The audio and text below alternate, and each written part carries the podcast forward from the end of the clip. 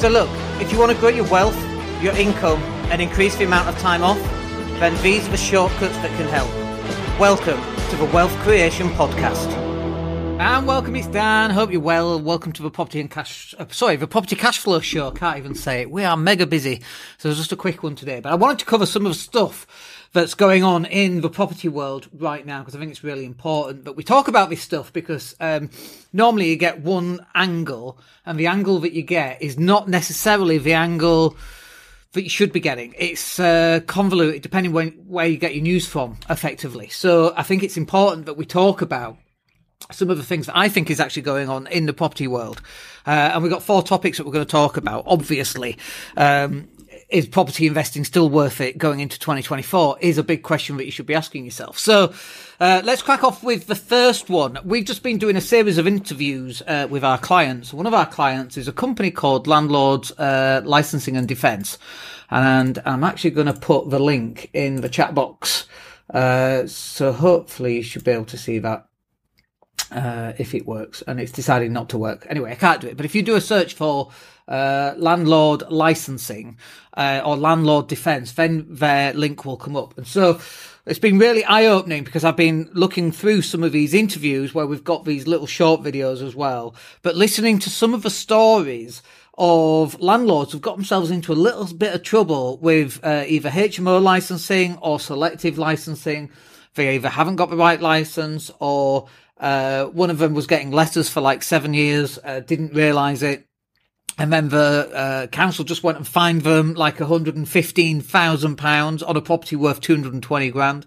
Uh, and obviously, Landlord Defence they stepped in and helped represent the landlords deal with these councils who were, let's just say, being like councils are. I think that's the nicest way I can say that. If you've ever gone through family court, for example, you know what a bunch of twats social workers are. Sorry if you're a social worker, but you're a twat. Uh, and if you work for the council, like we don't rent to council workers anymore. We, who do you work for? I'm a bin man. Sorry, mate. We ain't renting to you. We just don't do it bollocks to you, uh, quite frankly. You want to treat me like that? That's fine. We'll come back and treat you just the same. So we actually don't even entertain them at all, and we have no time for them. But if you're a landlord and you're up against it with the council, you're going to have some really big fines. And so there's a really good company called Landlord uh, Licensing and Defence. Go and do a search for them and go get those guys involved if you're having a problem uh, with that kind of situation. And then also, if you're thinking about buying a HMO, you should probably go get health and, uh, uh, what's it, HHRS? I can never remember what it stands for, but it's basically health and safety fire check. Uh, health and safety check, including a fire check. Go get that done before you buy a place, because you'll you'll realise that a lot of these HMOs are actually death traps. Out of many of these that they actually go and investigate, many of these um, would be fined by the councils, and the fines can be up to thirty grand, and and they and that's by the way, it's not thirty grand for the whole house; it's thirty grand per uh, thing that you've got wrong, and so they pile these fines on top of each other. Uh, it can be really uh, scary. I had selective licensing properties. Guess what I did with mine? I got rid of them. Bollocks to it. I ain't doing it. I'm just not doing it. You know, it's like I had all these costs that I had to do had these fire doors that we had to put in. We had fire alarms that we had to put in. We had uh, one of those things from the lounge to the kitchen where you can pass meals through, um, like a hole, you know, like a server. That had to be bricked up. We had to take the windows out. That wasn't fire safe. And I get, you know, tenants should be fire safe. 100% agree. Uh, it should be fire safe. But then neighbour next door burning rubber tyres uh, no fire doors, no smoke alarms. These are terraced houses. So all these other neighbours who aren't landlords have got zero fire regulations because for homeowners, and I'm all for fire regulations. 100% think there should be fire regulations, but it should be an even keel.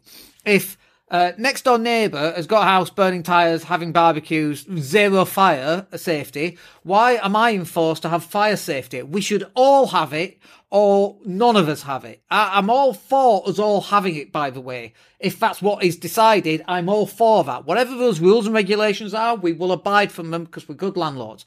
But uh, homeowners also have to abide from them. You can't just pick and choose random shit that you go, oh no, you have to abide by them, but you over there, Mr. Private a homeowner, no, you don't have to.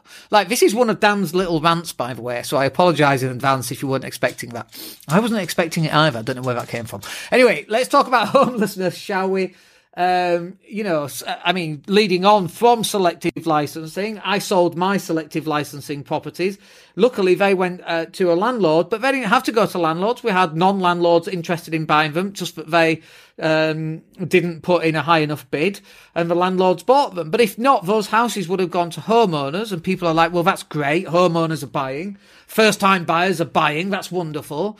But just because properties go back on the market doesn't mean that first time buyers magically find, you know, £20,000 or £10,000 deposit from the backside. That's not how it works. It's not, you know, 15 grand down the back of a sofa.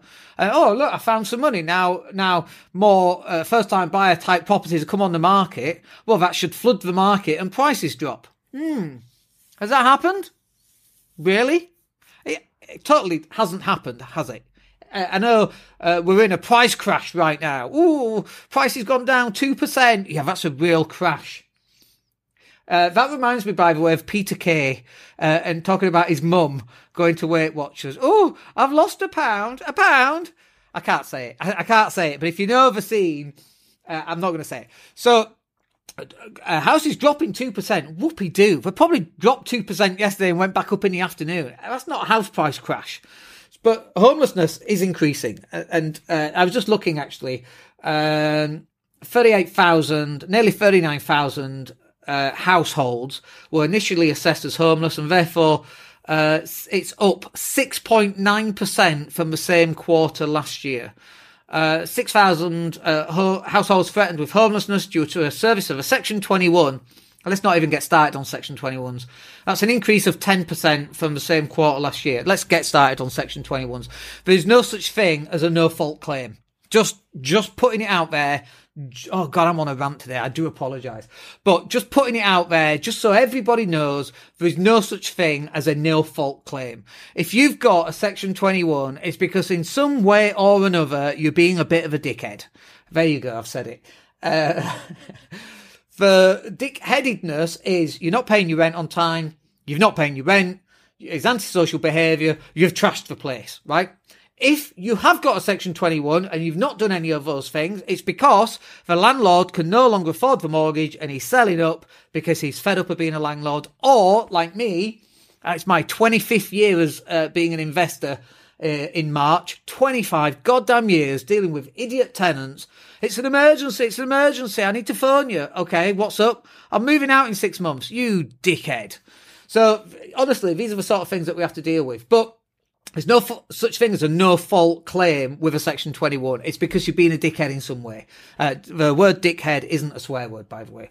Uh, not if you went to my school. Uh, so, um, 14,000 households were accepted as owed a main homelessness duty, up 19% uh, from April to June 2022. 105 households were in temporary accommodation, an increase of 10%. I mean, that's just, that's just shocking, isn't it? That's uh, statutory homeless figures in England, April to June 2023.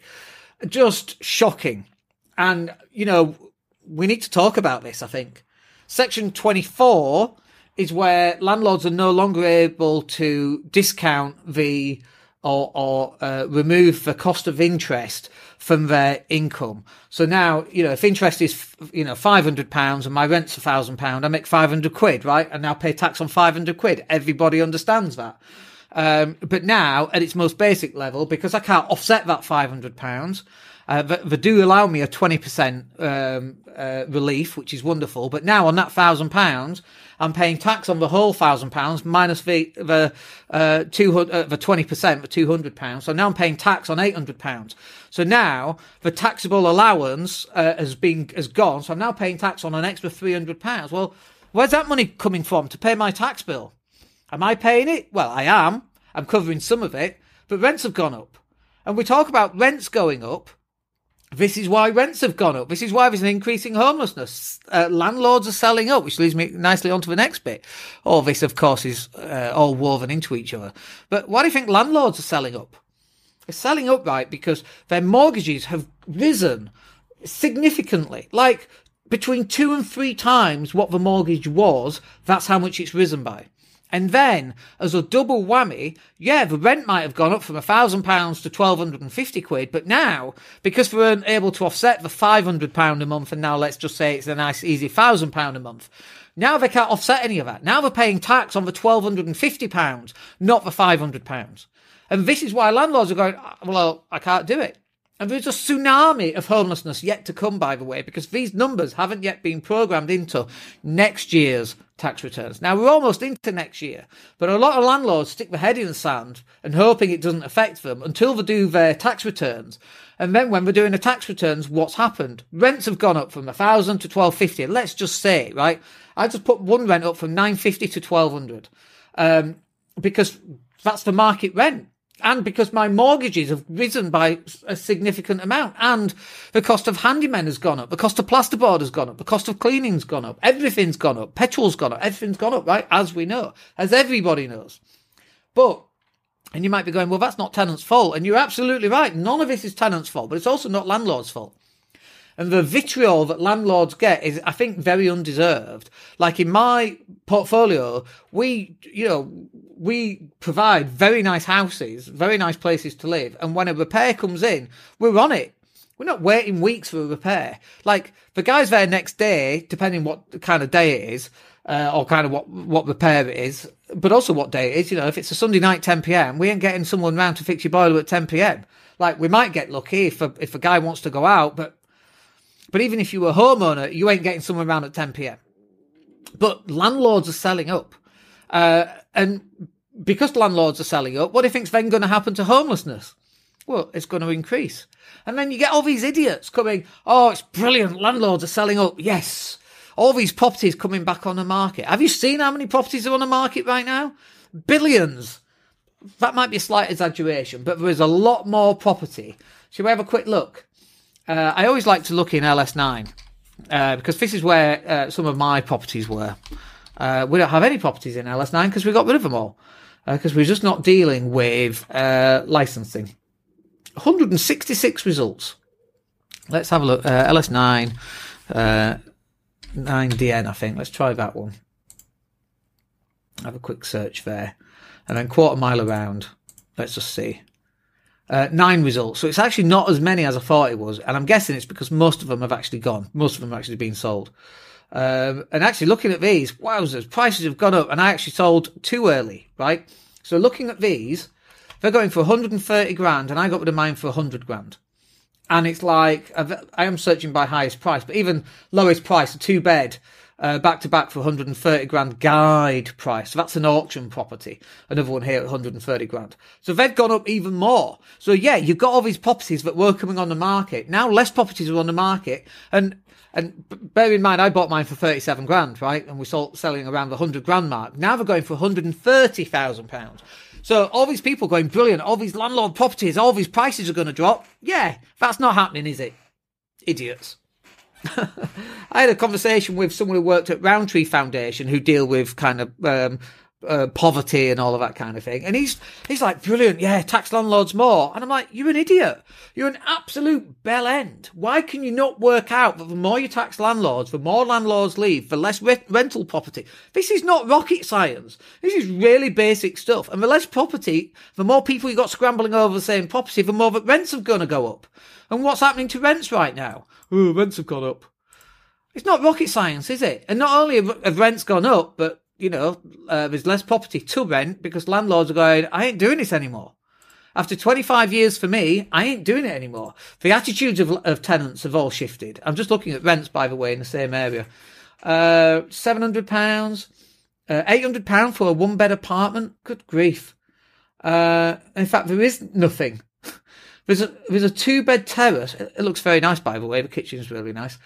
975 quid. We were getting 600 pounds for these. This is bonkers. so rents have, have shot up. Let's just have a look at uh, lowest price. And I've extended this to half a mile around. £700. Half a mile, 700 quid for a crappy two bed. £800. Rents have gone up. Everything's gone up. Landlords are selling up. UK government, what are you doing? I actually think they're going to revoke Article 24, Section 24. I think they're going to revoke it. Too late. All these landlords have gone, I'm done like me, I'm done. I'm so done. I'm I'm more done than a done thing could be done. I, I've had enough. 25 years in, and I'm done. The legislation that's coming, the changes that's coming, licensing that's coming, and what happens to landlords? We just get the shit t- kicked out of us in the news, and we're like, why are we doing this? We got better things to be doing than dealing with a light bulb that's gone out at 10 p.m. on a Sunday night because a tenant doesn't know how to change a goddamn light bulb. And for whatever reason, that's our fault. And then we got tenants who now can't afford heating. So what happens when you can't afford heating? We get a phone call from the council. Your house has got damp. Either you fix it or we're going to come in and fix it. Well, we've had that house 20 years. We've not, never had any damp. Yeah, well, you got damp now. Well, is the landlord, is the tenant putting the heating on? No, he can't afford it. Right. So now suddenly that's my problem. That's my my fault, is it? And now I have to spend thousands more for a problem that really shouldn't exist because the tenant can't afford it. And by the way, it's not my fault the tenant can't afford it. It might not be the tenant's fault that they can't afford it, but if they can't afford it, they need to move out and move into a place that they can afford. Oh, well, that's not fair on a tenant. Yeah, but I want to live at Buckingham Palace. Why? It's not fair that I can't live at Buckingham Palace. Why can't I live there as well? Listen, when I was a kid, when I was a lad, e by gum, when I was younger, getting into property. Uh, I bought my first house at 26, going on to 27. It was March uh, 1996, is it? And whatever 25 years is in March, that's when it was. That's when I bought my first house. And I was always brought up that you put your work in, you worked hard, you bought what you could afford. If you couldn't afford it, you didn't go out and get big loans for it. And then I learned that through property investing, that would pay for my nice, nice Porsche 911 that I bought when I was age 29. And that's what we did. So the tenants were paying my lifestyle and my Porsche because we invested for the long term. Now that's out the window, folks. People hate you for doing stuff like that. Oh, you got a million pound in pension. That's disgusting. People like spit on you. They hate it. That's not the world that I was brought up in. I was brought up in this world where you invested for the long term. You lived on uh, potatoes and baked beans. And incidentally, I'm now living on potatoes again because I'm on a goddamn diet and I eat uh, jacket potato and tuna and um, uh, ketchup and mayonnaise, believe it or not, because you mix it all up make a nice pink sauce. And that's what I live on every night. You know, it's funny how it kind of comes full circle, albeit for different reasons. But it's like that's that's what we did. That's what we bought. And we if we couldn't afford the rent, we didn't rent somewhere and or we would work two jobs. In fact, that's what we did. I mean, I worked, I worked for you know forty hours a week at Symphony Kitchens. Shout out to Symphony Kitchens for teaching me some life lessons. And then twenty hours a week, I worked at William Hill taking bets on a phone. I remember having an argument with an old girlfriend. Uh, it was a girlfriend from a long time ago. She wasn't old. Uh, I remember having an argument. Oh, it's illegal for you to work 60 hours a week. Well, I was doing it, you know, uh, that's what we did, and and we saved money to get into the housing market. And and for some reason now, tenants they don't want to pay. Well, oh, I can't afford heating, so now your house has got down. Now what? That's my fault. How does that work? I don't I don't get how that works. Why is this my fault? We had a uh, tenant two nights ago. The door had been kicked in apparently by the police at ten o'clock at night, and she was like, "Well, are you not coming over?" This is not my problem. This is your problem. You need to go sort it out. You've signed your tenancy agreement. This is now your responsibility. Of course, it is my problem because it's always the landlord's problem, isn't it? And I'm like, dude, I'm in Spain. I'm not getting on a plane, traveling a thousand miles to come and look at your door that's been kicked in, probably because you've been doing something in the house. As it happens, we're getting that door uh, fixed today. Hopefully, it's, hopefully by the next uh, hour or so. Uh, but and then we're into this conversation as well. Who's responsible for this door? Not me. I'm a thousand miles away. I haven't done anything in that apartment. You're responsible. It's going to come out of your bond, quite frankly. And we'll have to go, we'll have to go down the court and we'll let a judge decide. I honestly actually don't even know who is responsible for that. Pretty sure it's not me. I'd like it not to be me. But then the tenant also would like it not to be them as well. Anyway, uh, property investing, is that worth it in 2024 as we're moving forward? So this is a biggie, you know. And I think it's worth a conversation around what are we, what is property investing? And, you know, going into 2024, one of my plans was to really start um, flipping properties. But the properties that we've sold have taken seven months from the date of agreeing the sale to the date of actually getting the money in the bank. That's taken seven months. We even had a cash buyer pull out after five months. Ridiculous. Absolutely bonkers. I don't know what uh, uh, estate agents are up to. I don't know what the solicitors are up to. The lawyers uh, doing the completions. Seven months is wholly unacceptable. So we're not going to bother doing that. You know, we were going to buy big houses, split them up. Uh, we're going to sell them on the open market. We're not doing any of that anymore. And in fact, property for me, um, we might source some deals for other investors if that's what they want to do. Um, but really, uh, for me now, property investing, it's it's kind of done. I, and I think as well, and I'm biased here because my experience is I've been doing this for 25 years. I'm 51. Uh, and actually, 51's not that old, unless you're 20, in which case it's ancient. But other people are my age as well. And I'm like, oh my gosh, they might feel 50. But I kind of think these days 50 is the new 40. I'm fitter than I've ever been. Although I've eaten a lot this, this last month. Um, but I think 50 is the new 40. And like, for now, I'm just clearing the decks. Uh, we'll probably keep some. Would I buy more property? Probably not, is the answer. We're just going to grow the business for digital marketing agency and we're going to grow that massively. Would we buy more businesses? We might buy some more businesses, but we're very, very focused on a digital marketing agency for 2024. We don't get calls at 10 o'clock at night saying my door's been kicked in when you're running content uh, for clients. We don't get uh, tenants whose boiler's gone down yet again. We don't get tenants fiddling with uh, radiators. You know, we had a house uh, for 15 years, never had a single problem with any radiators. Tenant moves in, different radiator problem every week. Stop touching the radiators. You're messing it up. We had problems every other week. We got rid of that tenant after six months. Oh, magically the radiator problem just disappeared. We don't, we don't get any of that. We're in, you know, full control. If someone doesn't pay, I haven't got a mortgage that I still have to pay for. If someone doesn't pay, that's fine. We switch off for content. They're not paying us. That's, that's fine. Um, if you're not replying to us, that's fine. We just don't do the content. We just don't do the work. And we have tenants, uh, not tenants, god damn it. We have customers, uh, lining up to come and do work with us. I mean, by the way, we've, you know, it's taken a lot of work. We're putting in 12 hours days right now and we're loving it. We might be tired, nearly fell asleep at a Christmas party yesterday, uh, but we're really enjoying that process. And actually, I used, I, I'm enjoying the process in the digital marketing agency like I used to enjoy the process in property. But property for me, this is a personal thing. The property for me is not the same as property for me used to be 25 years ago. It used to be invigorating and fun and exciting. And maybe I'm just tired.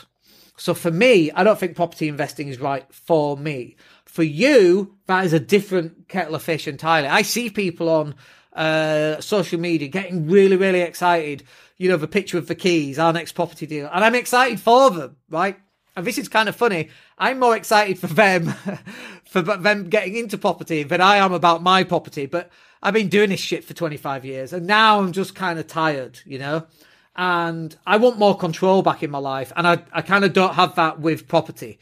Uh, I went to Bali in, um, at the start of, uh, November. Amazing. I got calls about property. It drove me insane. Uh, I got zero calls about about uh, digital marketing because my team just looked after it. And you, you know, should you have a team with your property? What are you going to do? Get a letting agency who's then going to phone you and say you got a problem with your boiler and then charge you double for the new boiler and all the rest of it? Like, no, we're not going to bother doing that. Um, we've had letting agencies and they're just as bad as all the other letting agencies, despite them telling you that they're not that bad. And then they just cost you a whole, you know, whole ton more cash. Um, finder's fee is one month's rent oh yeah, after six months your tenant's moving out. So you're making more money off this deal than I am. Yeah, no, I don't think so. So for me, this is not where we are. But like I say, I get really excited. People sourcing deals, I, I get really excited by that because I'm excited by their um, by their um, what's the word by them doing these deals and closing these deals and people getting into property and people doing uh, serviced accommodation. I'm so excited for people buying a property or doing a rent to rent and then moving towards serviced accommodation. That shit excites me but it doesn't excite me for doing that. And it's a bit weird and i know but it just doesn't kind of excite me anymore. And so it's time to move on. We're in like We've had second half. We've had oranges at half time. I've just turned well 51. I'm into my 50s. We're now in the third quarter, and you know that's how I like to do. By the, when I get to 75, I'll be in the fourth quarter. You know, and so that's how I see the world. And maybe it's just time for change for me personally. But depending where you are in this cycle, and by the way, you might have run a digital marketing agency for 25 years and you're so sick and tired of that. And now it's time for you to move on. Uh, in which case, we'd like to buy your business. But it's time for you to move on, and now it's time for you to move into property. All that is very, very valid, I think. Uh, but just for me right now, it's not. Are there some benefits to buying properties right now? I believe so. Right? I know interest rates are high and I know it's expensive getting mortgages and I know it takes seven months to buy, but I think rents are going to go up again. I reckon 20 to 30% minimum in the next two years. Let's call it two to three years, 20 to 30%. I guarantee it's 20% in the next three years. Guarantee that. It's just what else is it what else is going to be effectively. But anyway, I hope you find that useful and uh, we'll catch up with you on the next one. My name's Dan Latto. Have yourselves a wicked day. Take care. Hey, it's Dan here. Thank you for listening. Really appreciate each and every one of you. Please click like or subscribe to the entire podcast.